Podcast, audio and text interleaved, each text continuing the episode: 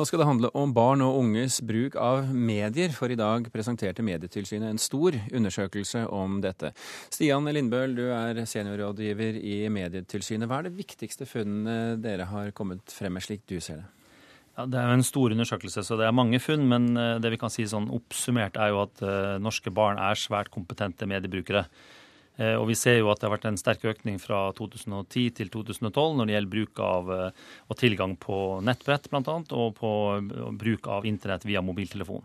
Det at de selv eh, gir, inntrykk, gir uttrykk for at de syns de bruker for mye tid på medier, er det en del av det du tenker på at de er kompetente? Ja da, det er det. Altså de, de, at de selv deklarerer eller sier selv at de bruker for mye tid. En del barn gjør det, det er ikke alle barn som gjør det. Det er jo en grei sak, det. Det vet de jo, fordi at en del av disse mediene er jo hva skal jeg si, tidkrevende. Er du på internett, eh, spiller du spill eh, sant, og gjør andre ting, så, så det er klart at det er tidkrevende. Og, det, og, det, og, av og til så løper jo tida litt løpsk, og det er ikke så rart at man da syns det har eh. Men vi har jo andre funn òg. Vi har jo gjort en del positive funn òg. På det her med personvern så er det jo åtte av ti barn i alderen 13 til 16 som har vært inne og, og gjort fysiske eller gjort endringer i personverninnstillingene i, i Facebook. Det er bra?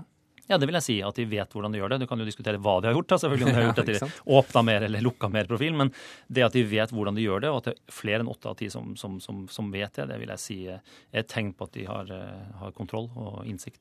Vi har allerede denne uken eh, hørt at 9500 tenåringer, tenåringer under 16 år har sendt nakenbilde av seg selv via nett eh, det siste året. Og i Kulturnytt i dag tidlig kunne vi høre at hvert tredje barn i Norge kjenner til personlige passordene til én mm. eller eller flere venner. Vi skal høre litt fra sendingen i morges.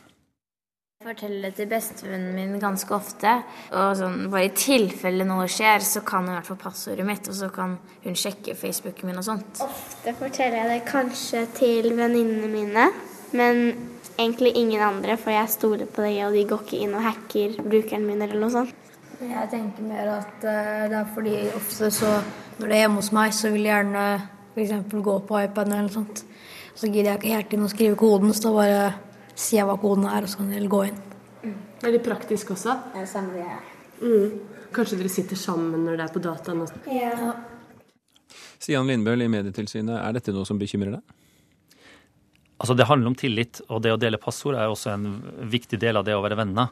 Eh, og vise sant, eventuelt meldinger til hverandre eller ting du har skrevet eller eh, hvem du er forelska i. Så det å, å, dele passord er ikke uvanlig. Eh, poenget er at de må være kompetente og oppegående nok til å vite når de skal bytte passord. F.eks. hvis de har vært kjæreste med noen og de har slått opp, så må de også vite at de skal bytte passord ganske umiddelbart etterpå, så ikke det blir misbruk av, av kontoen deres, f.eks. På, på Facebook. Ida Aalen med master i medievitenskap fra NTNU, som også skriver lærebok om sosiale medier. Hører du til dem som er bekymret over nakenbilder, nettmobbing og passorddeling? Jeg tror jo det man må um, i hvert fall få med seg, som jeg jo har inntrykk av at Stian har fått med seg, for nå gjentok han poengene mine fra debatten tidligere i dag. Så da er det jo ting som jeg har sagt som har satt spor også hos Medietilsynet, så det er jo veldig hyggelig. Det gikk fort. Ja, men det er, det er, hyggelig å bli invitert av Medietilsynet. Det var bare ett poeng, altså? Ja, okay. ja og en fra Filmføring. Men jeg tror kanskje det som Eh, er noen ting som sitter igjen her, at En ting er at man kan fokusere på å øke den eh, teknologiske kompetansen til barna, og de kan lære seg hvordan man endrer personverninnstillinger og sånne ting. Men eh, at veldig mye av det som blir viktig, handler rett og slett om å Eh, bli eldre og voksen og lære seg eh, hvem kan jeg stole på, hva kan jeg komme til å angre på. Jeg burde kanskje ikke si ting når jeg er sint, eh, og hva slags konsekvenser jeg har. Og det er at uansett hvor liksom, høy digital kompetanse vi får i skolen, da, så er det på en måte noen en 13-åring eller en 14-åring kanskje må dumme seg litt ut på før man gjør den lærdommen selv. Fordi pappa eller mamma kan si så mange ganger de vil at det og det er dumt, men det er noen sånne erfaringer som man bare er nødt til å gjøre seg sjæl. Men uh, når de er litt lett slepphendte med passord f.eks., uh, tror du at det kan, overf kan overføres til å være slepphendt med f.eks. bankpassord?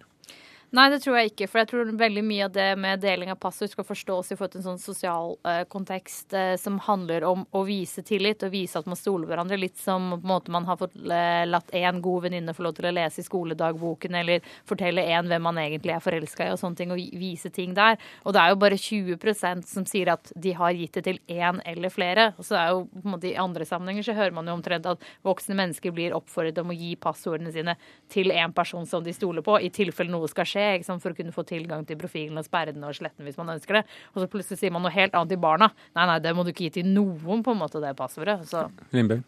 Ja, men vi samtidig skal vi ikke underkjenne at det er blant disse én av tre. altså Det er jo tross alt 30 eh, eh, som, som, som deler passord, at det skjer en del uheldige episoder der. Så vi, vi skal ikke glemme det. Nå, nå prøver jeg å veie opp at jeg var kanskje vel for positiv her i starten her. Men det er klart det er en del av vennskapet, det å dele ting. Og, og som regel så går det greit. Men, men det, jo, det, skjer jo uheldige episoder, og det er klart det er bilder som blir distribuert, og, og, og som, som, skader eh, barn og unge, som, er ubehagelige over tid. Så vi må ikke underkjenne at det skjer. Ja, men jeg tror faktisk det var én av fem som sa de selv hadde delt sitt passord, og så var det én av tre som mente de hadde passordet til noen andre. da. Så det er på en måte hvilket tall er som vi skal ta utgangspunkt Det er med andre noen som deler ut passordet sitt til veldig mange. Torgeir Waterhouse, direktør for internett og nye medier i IKT Norge. Det har altså vært en del oppslag fra denne undersøkelsen allerede, og saker rundt barn og nettbruk knyttes ofte til bekymring. Er du en av de som bekymres? Nei, altså på, på, helt generelt grunnlag så er det selvfølgelig mye man kan være bekymra for, men det man skal fokusere på er at stort sett så går det meste bra. Og som Stian sa innledningsvis, så er det mye kompetanse blant norske barn.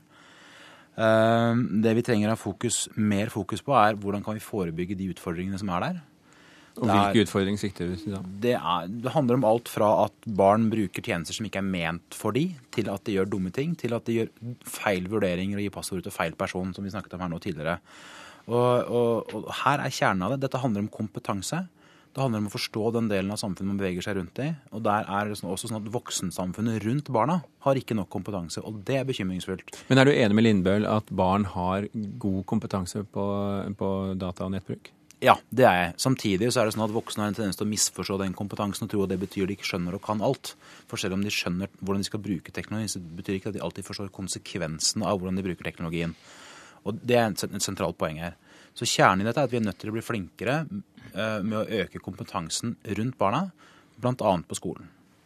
Det som jeg tror er et veldig viktig poeng til kanskje alle foreldrene da, som hører på radar ute, at ofte, det blir veldig mye fokus på at foreldrene må bli flinkere til å lære seg hvordan fungerer Facebook, hvordan fungerer Twitter og hvordan fungerer de sosiale mennene rent teknisk. Og det tror jeg det er bra at de lærer seg. Samtidig så tror jeg ikke foreldrene skal tenke at fordi jeg ikke forstår hvordan Facebook fungerer, så har jeg ingenting å bidra med. For nettopp fordi barna er ganske teknisk kyndige, så kan du fortsatt hjelpe dem med å reflektere rundt det. Hva er snilt? Hva er slemt? Hvem kan du stole på? Og de type tingene. Det er der ungene sannsynligvis trenger altså mest hjelp fra en voksen person, og ikke akkurat hvilken knapp man skal trykke på. Her, her aner vi et problem, Lindbøl, at en eh, høyst dataukyndig mamma skal komme og fortelle poden hva som skal skje på internett? Ja, og det ser vi jo i undersøkelsen vår òg, at det det oftest eh, blir uenighet om hjemme. Sant? Det er jo knytta til med tidsbruk, at foreldre veldig ofte er opptatt av at poden har sittet for lenge på data eller sittet for lenge framfor TV-en.